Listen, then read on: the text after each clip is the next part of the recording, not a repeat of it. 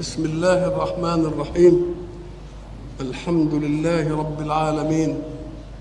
والصلاة والسلام على أشرف المرسلين وخاتم النبيين ورحمة الله للعالمين سيدنا محمد وعلى آله وصحبه أجمعين.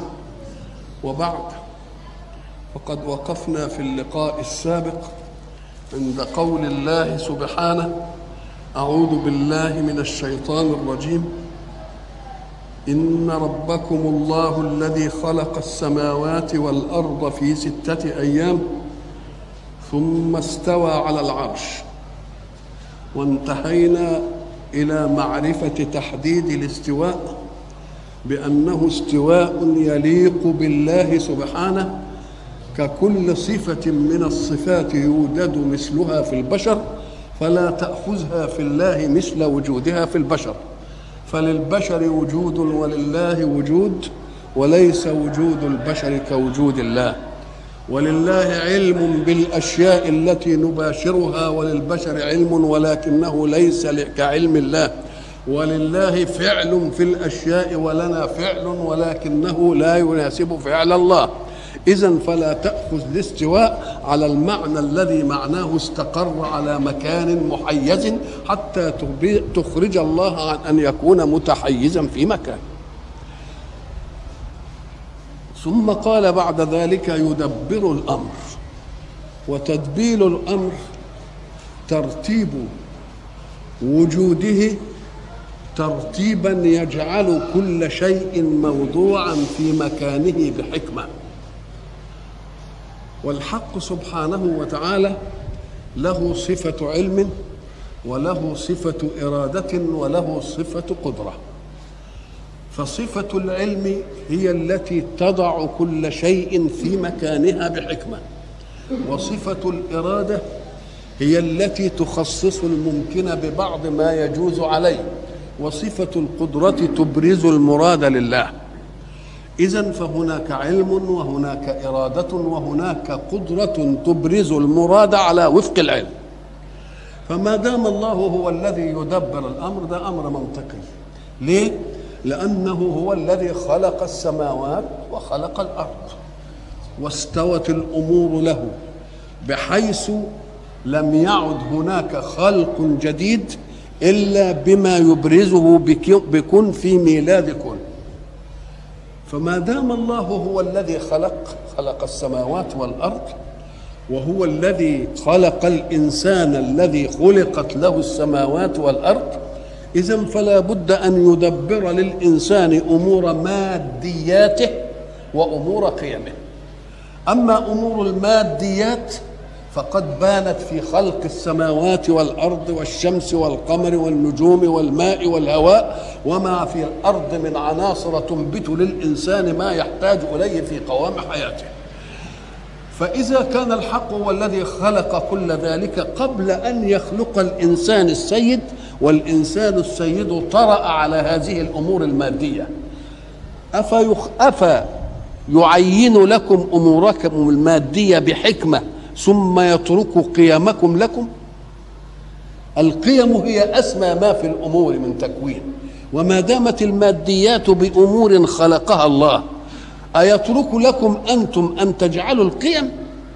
ده من باب أولى أن يخلق هو القيم. يبقى إذا ما تقولوش لماذا أرسل رسولا صفته كذا لماذا أرسل رجلا لماذا أرسل محمد؟ لأن دي من ضمن تدبير الإيه؟ من ضمن تدبير الأمر. والله أعلم حيث يجعل رسالته. اذا فيدبر الأمر جاي علشان تنفي أكان للناس عجبا ان اوحينا وعلتها إيه؟ لأن الله هو الذي هو ربكم وهو الذي خلق.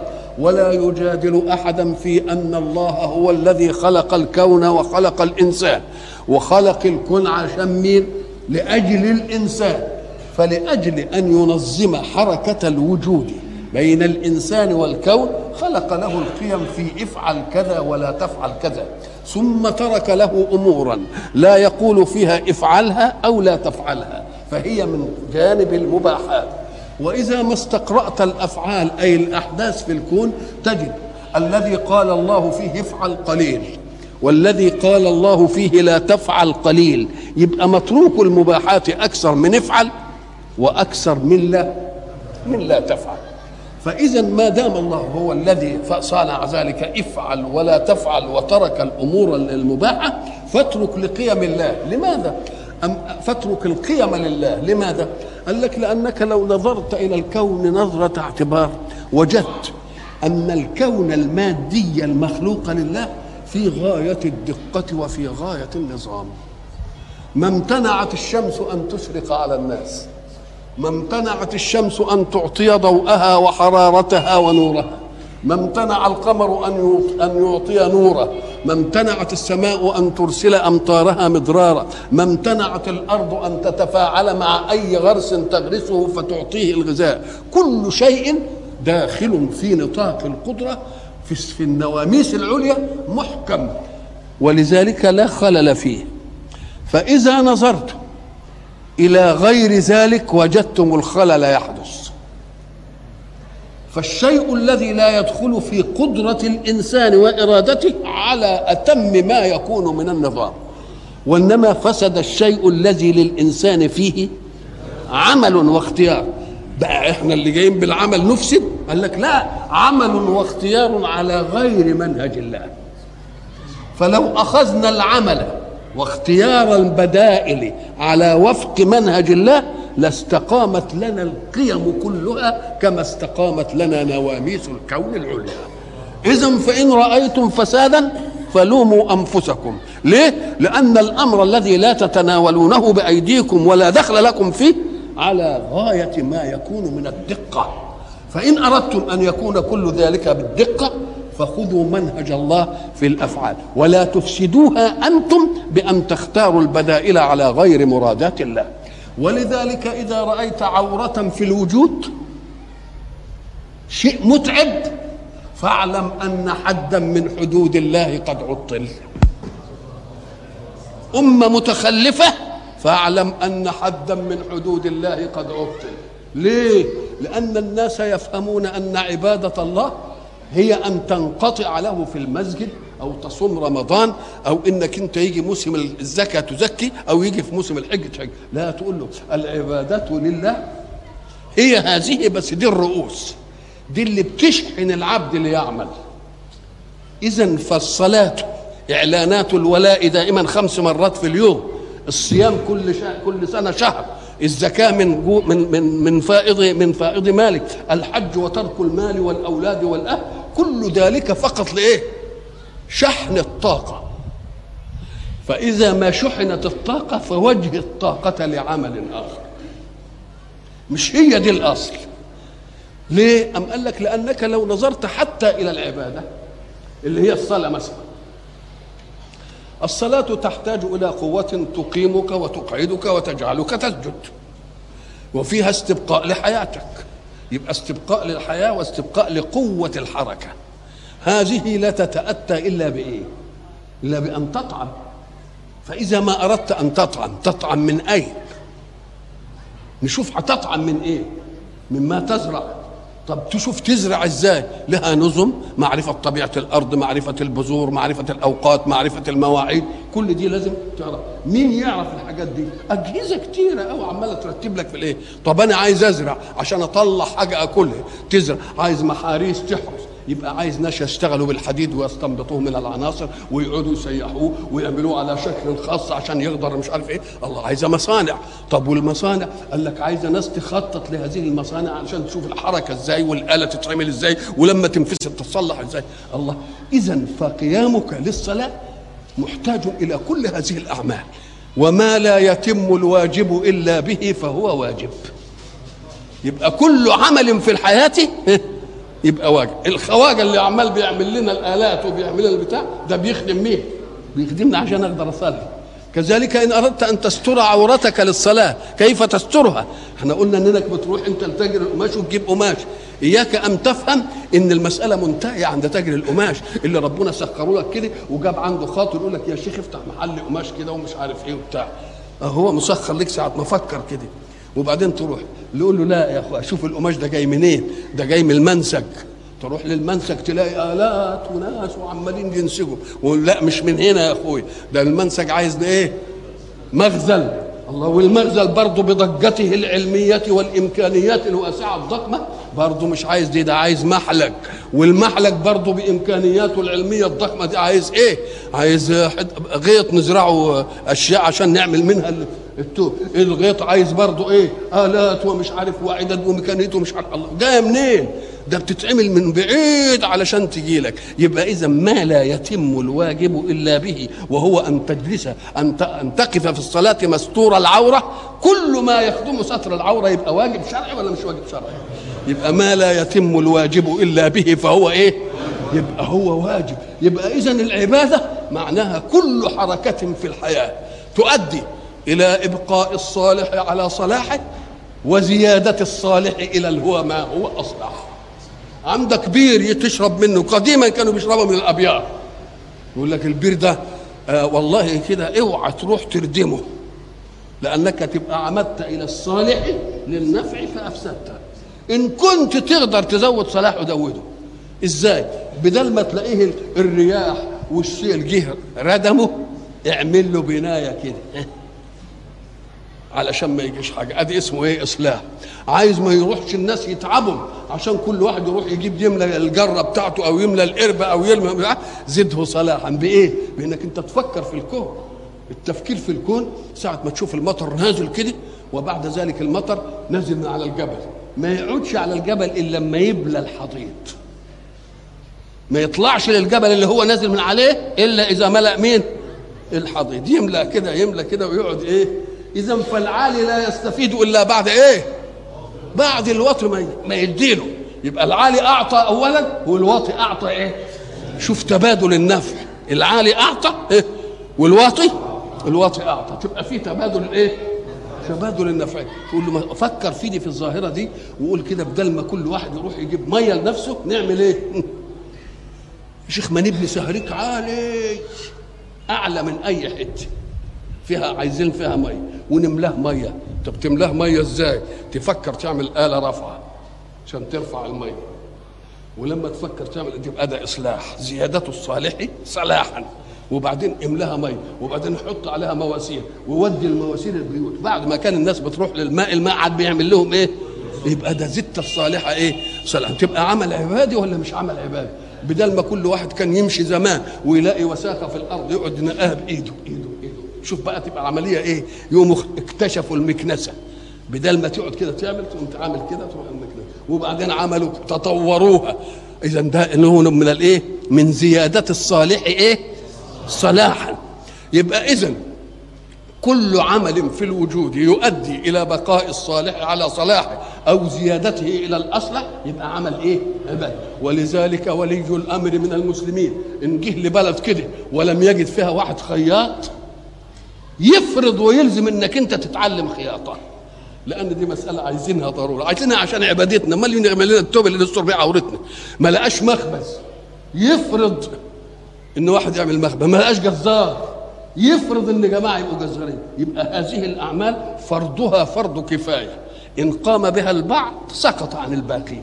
وإن لم يقم بها البعض يبقى أسم الجميع. وما الذي يرفع المأسم ولي الأمر؟ يقول لا البلد دي عايزة كم جزار وكم كذا وكم كذا وكم كذا وكم كذا.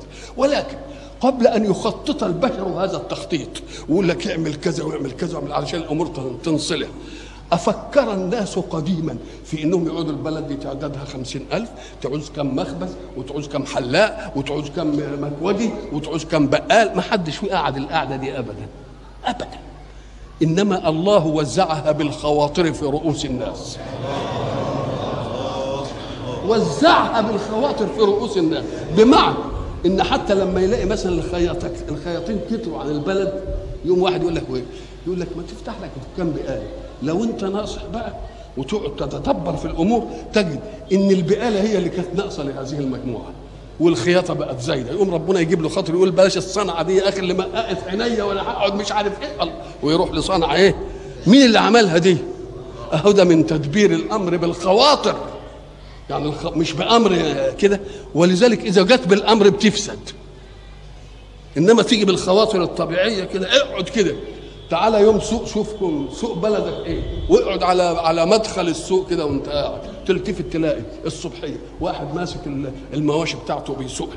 ده بحمير وده بعجل بقر وده بجاموس وده بخرفان وده بعيش وده وده ببطاطس وده بقوطة. كله كله نازل السوق. وفي ناس داخلين السوق بدون حاجة. يقوم داخل ده عايز يبيع واللي من غير حاجة ده عايز إيه؟ تقوم لما تلاقيهم راجعين المسألة تنعكس. الله. المسألة تنعكس.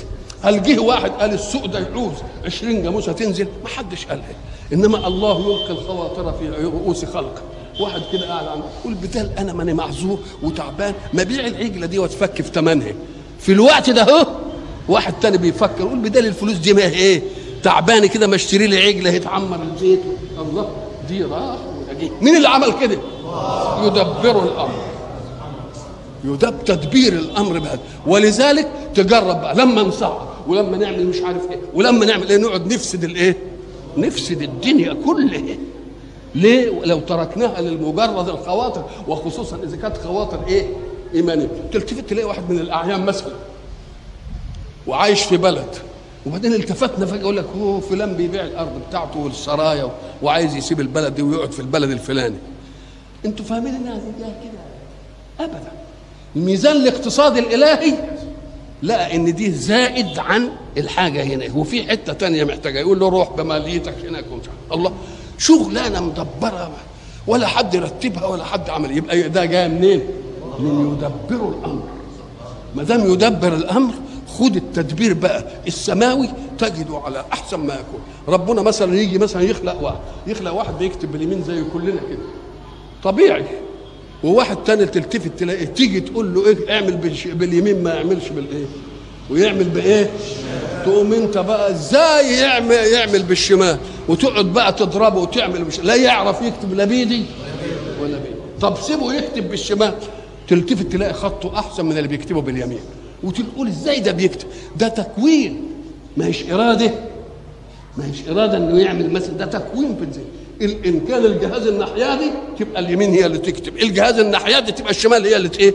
ولذلك اللي يقول احترم قدر الله في خلق الله ويقول سيبوه ياكل بيمينه ياكل مش عارف. إن كان إن كانت في النص الجهاز اللي بيعمل التوازن ده نجي في النص أهو في القبل في المخ من القبل أنايا يبقى يكتب بالاثنين يعمل بالاثنين زي سيدنا عمر رضي الله كان أضبط يعني يعمل بكلتا إيه؟ كده علشان ما تفهمش إن الخلق دي له نظام محدود. ده زي ما يريد هو. يخلق ما يشاء. يخلق دي كده يخلق مش ميكانيكا.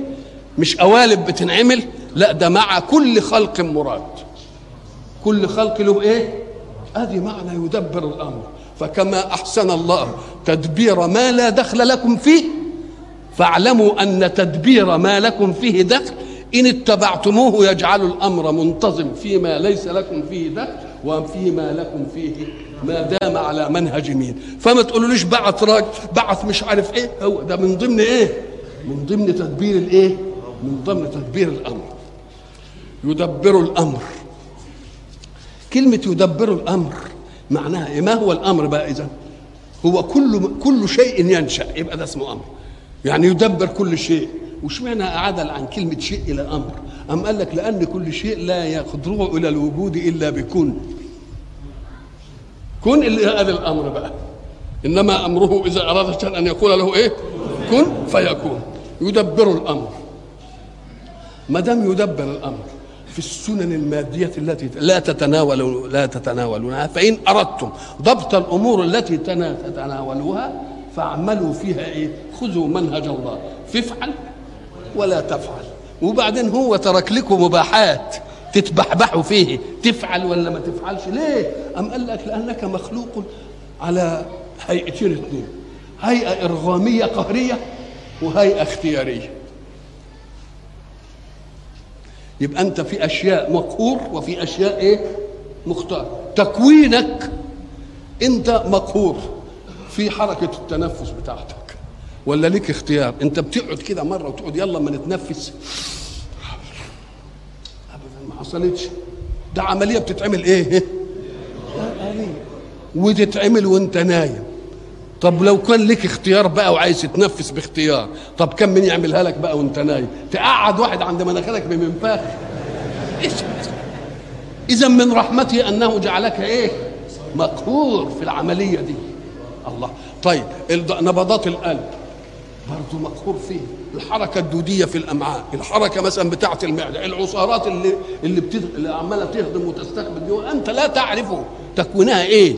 أنت ليك دخل فيها دي؟ مالكش دخل فيها انت مقهور.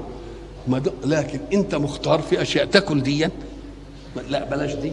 كل دي. البس دي. روح النهارده عاد مش عارف من عند البقال الفلاني. لا ما تجيش. انزل السوق. هات سمك هات لحمه هات. دي أمور إيه؟ اختيارية. إذا فالمباحات في الوجود كثيره ولا لا؟ إن كنت عايز تتبحبح يعني وتبقى حر ما أكثر ميادين الحرية في الحياة. إنت عندك ربنا قال لك افعل كذا ولا تفعل كذا أمور محصورة. والباقي ساب لك إيه؟ ساب لك الحرية. اللي ساب لك فيه حريتك دي. إن جاء البشر بها كل واحد على لون لا يفسد بها الكون. إنما اللي أرغمك عليها الخلل فيها يفسد الكون. فيبقى القهريات عشان إيه؟ علشان صلاح الكون. إيه الحاجات اللي اللي ما تضرش في الكون افعل دي ولا افعل دي. إن كلت سمك النهارده ما يجراش حاجة. كلت لحمة ما كلت جبنة كلت ما يجراش ابدا أي حاجة. كلكم اختلفتم وأكلتم خلاف بعضكم. لكن في الأمور الأصيلة لو اختلفتم لو اتبع الحق اهواءهم لفسدت إيه؟ السماوات والإيه؟ والأرض. اذا فتدبير الله فيما لا دخل لنا فيه جعل إيه؟ جعله مستقيم ولا لأ؟ ده مستقيم استقامة. حتى جعلت الكافر بالله وبنواميس كونه يحكم في فلكة. يقول لك في الوقت الفلاني هيحدث خسوف وفي الوقت الفلاني هيحدث خسوف وده حلقي وده كلي وده جزء. تمسك الساعة ده بقى الكافر. قال لك آه من دقة النظام والحركة. عاملها من دقة إيه؟ النظام ومن دقة الإيه؟ الحركه فإذا كنتم تريدون أن يستقيم لكم أمر مراداتكم البدلية فخذوا أمر الله هنا كما صنع الله أمره في ملكوته فاستقام إيه؟ لكم. يدبر الأمر. ما من شفيع إلا من بعد إذنه. إيه دخلت الحكاية بتاع ما من شفيع جت هنا بعد تدبير الأمر. ما من شفيع. ما جاش سيرة لل أم قال لك لا. لأن هؤلاء القوم اللي كانوا يقولوا أكان للناس عجبا أن أن إن هم الذين كانوا يقولون إيه؟ ويعبدون من دون الله ما لا ما إيه؟ ما لا يضرهم ولا ينفعهم. ويقولون هؤلاء شفعاؤنا عند الله. نقول لهم إحنا هنمسك النص ده. أنتوا بتقولوا هؤلاء إيه؟ شفعاؤنا عند الله. نشوف الكلام ده صح ولا مش صح؟ قولكم هؤلاء شفعاؤنا عند الله؟ أنت لا تحتاج إلى شفيع يشفع لك عند من يملك الأمر إلا إذا كنت عملت حاجة أو جريمة؟ يبقى أكن قولهم ده مصرين على إن منهم إيه؟ جرائم. ما دام قالوا شفعاؤنا يبقى ما دام يقول ده شفيع يبقى معناها إنه إيه؟ إنه حصل منه إيه؟ تقصير. كل الآية تقول هم بيعبدوا من دون الله. ما لا يضرهم ولا ينفعهم. طيب صحيح ما يضرهمش طب ما يضرهمش يبقى صحيح وما يضرهمش. هو الصنم هيعمل إيه؟ ما يضرهمش. أم قال لك لا ده ما لا يضرهم إن, إن لم يعبدوه.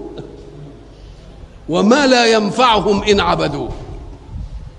يبقى الحكاية منفكة مرة نعبد ومرة إيه؟ ما نعبدش. طيب قال إيه؟ هي الشفاعة دي معنى كلمة شفاعة من الشفع.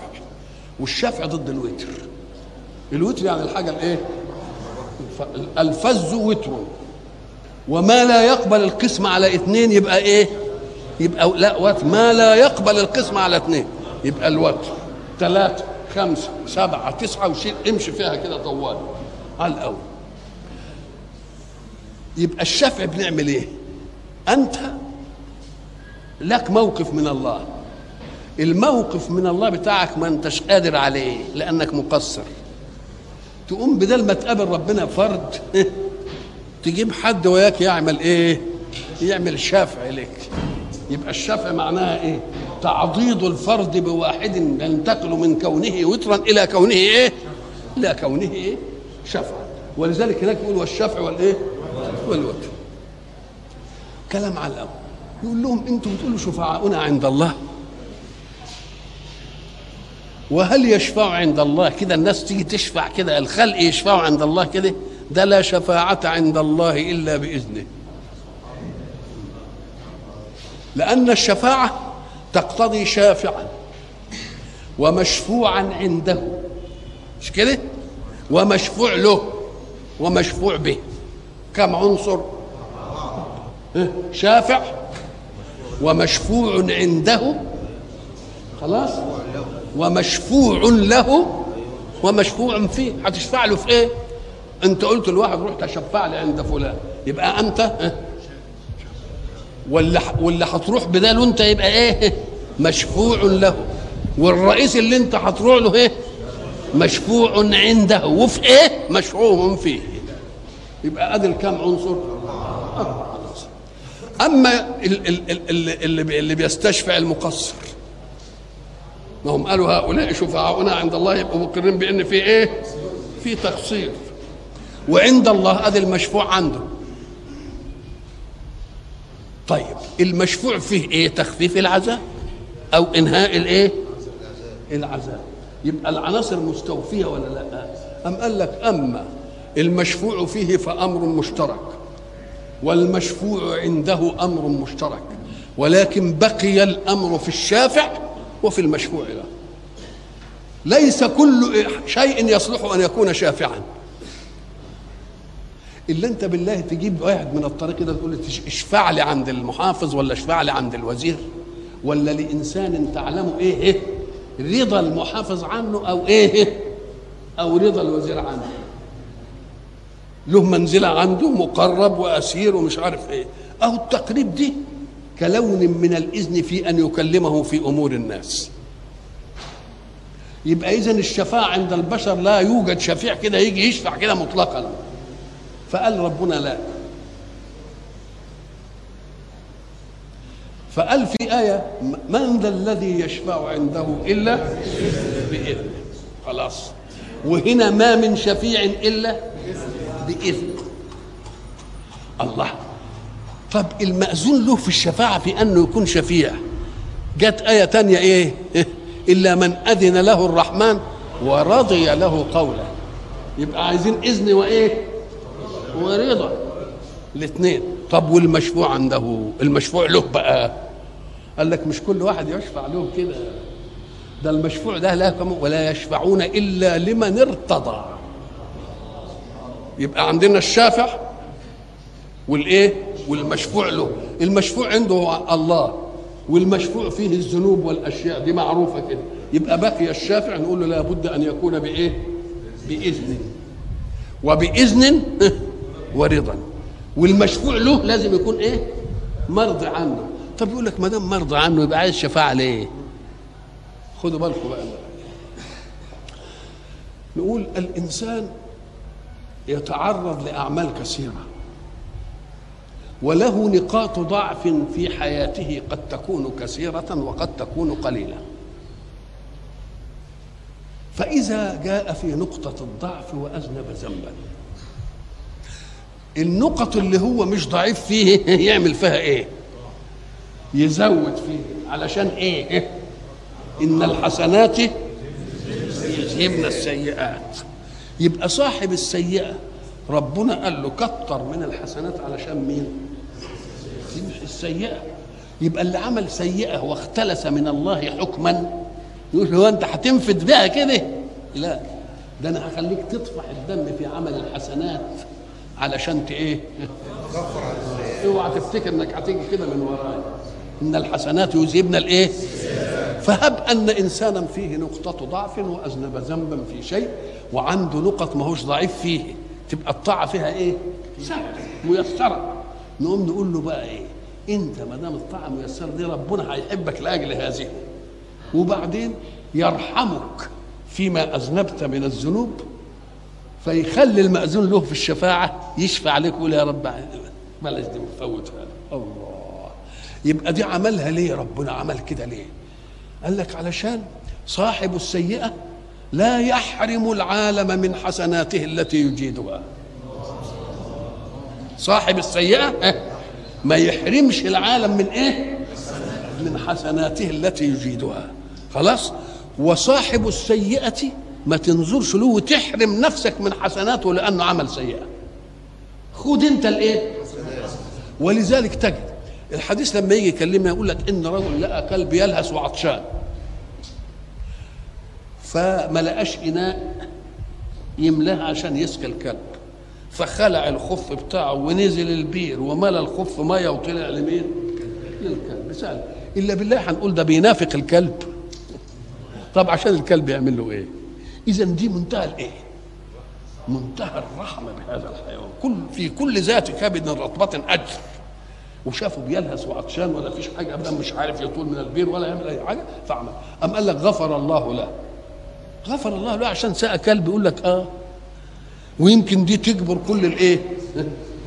كل السيئات اللي, اللي عملها. طب يجبر كل السيئات كده من غير حاجة؟ أم قال لك لا. ولماذا لا يوجد الله في غفران هذه السيئات تكريما لرسول أو لمأذون له بالشفاعة فيشفع له ويقول له كده. فإذا علمت أن الرسول قد يشفع لك وأن المؤمن قد يشفع لأخيه وأن الأب قد يشفع لابنه قلت أنت تحسن إلى كل هؤلاء لعلك أن تحتاج منهم إلى شفاعة. يبقى الكون كله إيه؟ وإذا رأيت إنسانا محسنا في دينه ما تحتكروش. لأن إحسانه في دينه يمكن إيه؟ يجي إيه؟ ينفعك أنت في إيه؟ فيما بعد. ولذلك تجد الحق سبحانه وتعالى حينما في سورة الفتح فاتحة الكتاب اللي بنقراها في كل صلاة. أعوذ بالله من الشيطان الرجيم. بسم الله الرحمن الرحيم. الحمد لله رب العالمين. الرحمن الرحيم. مالك يوم الدين. إياك نعبد وإياك نستعين. شوف كلمة إياك نعبد. طب أنت بتقولها وأنا بقولها. كان الأصول أقول إيه؟ إياك أعبد. شوف التمحكة في بعض بقى تمحكنا ببعض إياك نعبد كلنا كده. عشان يا رب إن قبلت حد تبقى تاخد الصفقة كلها ولا إياك نعبد. إياك إيه؟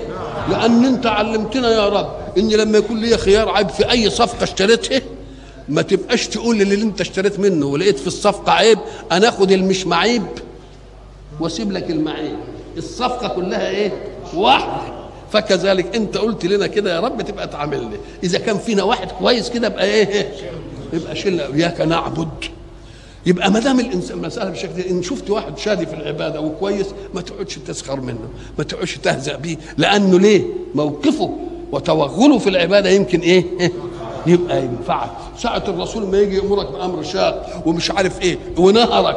ولا عمل فيك أي حاجة. قلبك ما ياخدكش على الرسول لأن هو ده اللي هيبقى المرجع اللي يشفع لك في الأمور اللي ما أنتش إيه اللي ما قدرتش إيه عليها. من ذا الذي يشفع عنده؟ الشفاعة بقى. الحق سبحانه وتعالى شرط فيها إذن المشفوع عنده للشافع ورضاه بالشفاعة. إيه ما دام أذن يبقى راضي ولا لا؟ أما قال لك لا. يمكن يقول له أنا أذنت لك بالشفاعة يظنها في خصوص جزئيات. ويعممها هو. لا برضه كل واحد عايزين نرضى. أنت عندك إذن بالشفاعة صحيح إنما إيه, إيه اللي أنت هتشفع له لازم إيه, إيه نرضى إنك أنت تشفع له فيه. يبقى مع كل جزئية. حتى ما يديش المسألة للرسول كده و... وبعد ذلك المشفوع له يبقى ارتضى. وارتضى ليه؟ لأنه ناحية إيه؟ ناحية حسنات إيه؟ أجاد فيها. ولذلك مثلا سئل مرة سؤال أن سيدنا عمر رضي الله عنه رآه رائم في الرؤيا فقال ماذا فعل الله بك يا ابن الخطاب؟ فقال غفر الله لي. قال بماذا؟ قال لأني رأيت غلاما يعبث بعصفور فاشتريته من الغلام حتى لا أفجعه في في العصفور بتاعه اديته فلوس وأخذت العصفور وأطلقته. فواحد تعجب. قال لك بقى كل الأعمال اللي عملها سيدنا عمر دي. ما فيش إلا حكاية العصفور وأطلق العصفور. قال له يا أخي افهم. أما هذه فلغفر الخطايا. وأما ما عمل عمر فلرفع الدرجات. اثبت نعم. الآية عندنا كنا وإحنا في سورة البقرة. أعوذ بالله من الشيطان الرجيم. حينما قال الحق سبحانه واتقوا يوم واتقوا يوما لا تجزي نفس عن نفس شيئا. الآية دي جت مرتين بهذا النص واتقوا يوما لا تجزي نفس عن نفس شيئا. لكن عجز الآية دي غير عجز الآية دي. فدي بقى الجماعة اللي بدهم يتوركوا على القرآن ويعملوا لهم ضجة يقول لك يا أخويا الأساليب القرآنية أهو. إن كانت الآية الأولانية البليغة تبقى الآية الثانية مش بليغة؟ إن كانت الآية الثانية بليغة تبقى الآية الأولانية مش بليغة. ليه يا أخوي؟ قال لأنه بيقول واتقوا يوما إيه؟ لا تجزي نفس عن نفس شيئا. ولا يقبل منها شفاعة ولا يؤخذ منها عدل في الآية الثانية قال إيه؟ ولا يقبل منها إيه؟ عدل ولا تنفعها شفاعة. قال إيه الأول العدل والثاني الشفاعة ودي تقبل ودي تؤخذ ومش عارف ان هي اللي بليغة ان هي اللي كويسة. إن كانت الأولى كويسة تبقى الثانية مش كويسة. نقول له أنت البعيد غبي. ليه؟ لأنك لو كانت لك الملكة العربية في استقبال الأساليب لعلمت أن الصدر محتمل لوجهين ليه؟ واتقوا يوما لا تجزي نفس عن نفس. طب النفس الأولى هي مين؟ الشافعة. مش كده؟ وعن نفس. المشفوع له ومنها لا يقبل منها ولا يؤخذ منها. من من أي نفسين يا يا دي يا دي آه يبقى اذا ما دام فيه متقدم نفسين. نفس جازية اللي هي حت إيه؟ تشفع ونفس مجزي عنها اللي هنشفع إيه؟ أدي أدي صدر الآية. ما دام جت اثنين الضمير اللي هيجي لا يقبل منها ولا يؤخذ منها ولا تنفعها تنفع مين؟ النفس إيه ولا المش ولا الشافعة؟ آه يبقى متقدمين الاثنين. متقدمين إيه؟ الاثنين. يبقى الضمير يصح أن يرجع إلى النفس الشافعة ويصح أن يرجع إلى النفس الإيه؟ المشفوع لها. يبقى ان إذا صدر الآية محتمل لإيه؟ لاثنين يبقى العجز جاي جاي اثنين واحد ان كان الضمير يعود إلى الأولى وواحد إن كان الضمير يعود إلى الثانية. يبقى كلام منطقي ولا لا؟ طب نشوف كده. الآية الأولى بتقول لا يقبل منها شفاعة ولا يؤخذ منها عدل. اولا قدم الشفاعة هنا. وآخر مين؟ العدل. وفي الآية الثانية لا يقبل منها عدل ولا تنفعها شفاعة. ودي تقبل ودي تنفع. إيه الحكاية دي؟ قال لك تعالى بقى. الإنسان إذا كان عليه شيء لإنسان ومش قادر يستبرئ ذمته منه فجاب واحد له إيه؟ له دالة وله مكانة عند من عنده الحاجة. يبقى ده اللي هيروح يشفع لي. وأنا ما أنا مشفوع لي وهو شافع. أول ما يروح الشافع عند المشفوع يعمل إيه؟ يقول له أنا جاي أستشفع لفلان. يبقى يقدم مين؟ الشفاعة. فإن كنت هتكرمني اقبل إيه؟ يقول له لا لا مش قابل. يقول له طيب ما دام ما قبلت شفاعتي أنا أدفع العدل المقابل. أنت عايز منه إيه؟ تقول أنت عايز منه إيه؟ قبل الشفاعة ولا بعد ما يقبلش شفاعتك؟ آه يبقى الترتيب أهو. يبقى ما دام الضمير يعود على النفس الشافعة النفس الشافعة تعرض شفاعتها عند المشفوع عنده.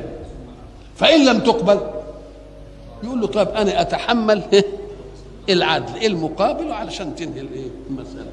طبعا يبقى لا يقبل منها شفاعة ولا يؤخذ منها عدل اللي هي من بقى النفس الايه؟ الشافعة. طب وفي النفس المشفوع لها ما إحنا بنقول نفس عن نفس. يبقى في إيه؟ نفسين نفس شافعة ونفس مشفوع. والضمير الذي بعدها إما أن يعود إلى الأول فإن عاد إلى النفس الشافعة يبقى المنطق يقول إيه؟ لا يقبل منها شفاعة. خلاص؟ ولما ما يقبلش منها شفاعة. وقال أنا هدفع اللي مطلوب منه يقول ولا يؤخذ منها عدل. خلاص؟ طب وإن كان الضمير يعود على النفس المشفوع له؟ هو أنت تروح لواحد يشفع لك إلا إذا أنت قصرت ما عندكش مقابل أو عدل لا يقبل منها عدل. ولما ما يقبلش منها عدل تقوم تجيب شفيع بقى وتقول له شوف لنا إيه؟ شوف لنا الحكاية دي. يبقى كل صد كل عجز آية منسجم مع عودة ضمير على واحدة منهم ولا لأ؟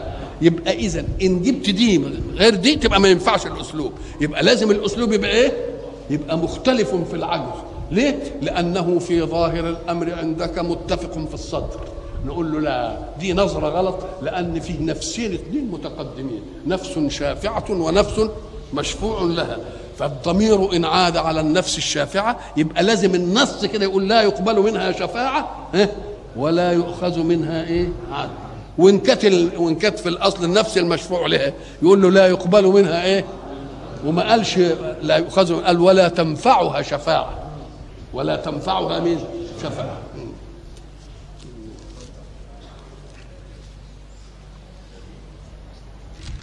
من ذا الذي يدبر الأمر؟ ما من شفيع إلا من بعد إذنه. اللي كل صفات الله إن ربكم الله الذي خلق السماوات والأرض في ستة أيام ثم استوى على العرش يدبر الأمر ما من شفيع إلا من بعد إذنه. خلاص خدت فكرة عن ربك خدت فكرة عن الله. ذلكم الله ربكم. كل الحاجات اللي قدامها هي دي إيه؟ المواصفات اللي يجب أن تعرف أن تعرفها لمين؟ للرب. أنه خلق لك الكون ليستقبلك الكون. مش جابك وبعدين خلق لك لا. واستقرت له الأمور استقرارا. وإيه فايدة استقرت له الأمور؟ أم قال لك لأن إحنا قلنا زمان أن الله طلب منا أن نشهد أنه لا إله إلا هو. خلاص؟ وهو نفسه بيشهد لنفسه أنه لا إله إلا هو. شهد الله أنه إيه؟ ليه؟ أم قال لك لأنه لما يشهد أنه لا إله إلا هو يكون على ثقة تامة بأن أوامره في كونه لا إله غيره يردها. ما يمكنش خلاص. لأنه ما فيش إلا إيه؟ ما فيش إلا هو. ذلكم أي ال- ال- الذي تقدم الذي خلق السماوات والأرض وهو إلى آخره واستوى مش على العرش ودبر الأمر وما من شفيع إلا من بعد إذنه. ذلكم الله إيه؟ ربكم. ما دام ده ربكم يبقى اعبدوه. المنطق كده. ما دام ده ربكم يبقى إيه؟ اعبدوه. ليه؟ أم قال لك؟ لأنه ما دام رب خلق من عدم وأمد من عدم وله كل صفات الكمال المطلق هو الذي خلق الكون الذي استقبلنا وأنه هو الذي يدبر لنا النواميس كلها ويعمل لنا العمليات دي كلها. يبقى يجب أننا نعمل إيه؟ نعبده ولذلك لما جاء الحق سبحانه وتعالى قال وما خلقت الجن والإنس إلا ليعبدون علشان تفهم يبقى علة الخلق إيه؟ العبادة تقول له العلة دي تنبه شوية ليست علة عائدة عليه من- ربنا منزه عن الإيه؟ عن العلل أي العلل التي تعود عليه. ليه؟ لأن إن عبدتوه مش هيزيد ملكه. إن ما عبدتوهش مش هينقص ملكه خلاص؟ هو بملكه وصفات كماله عبدتم أم لم؟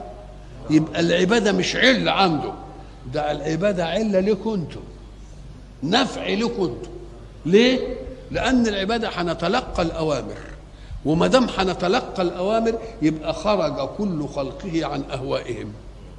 وما دام كل خلقه خرج عن أهوائهم هيبقى هوى الموجه واحد. وما دام هوى الموجه واحد لا تصطدم إرادة بإرادة. وما دام لا تصطدم إرادة بإرادة يبقى العالم متكامل ولا مش متكامل؟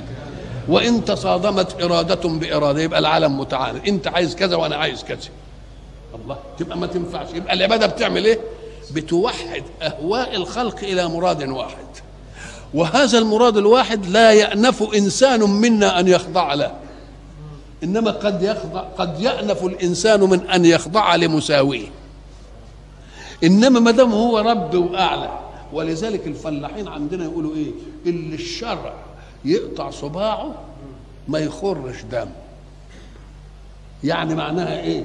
برضا لكن إن واحد تاني قطع صباعي يخر دم. هو صحيح ما بيخرش دم؟ لا لا ما يهجنيش في حاجة. ما دام مش ما دام ربنا هو اللي إيه؟ هو قال لأن دي مش خضوع بشر لبشر ولكنها خضوع مخلوق لخالق. وإلى لقاء آخر إن شاء الله.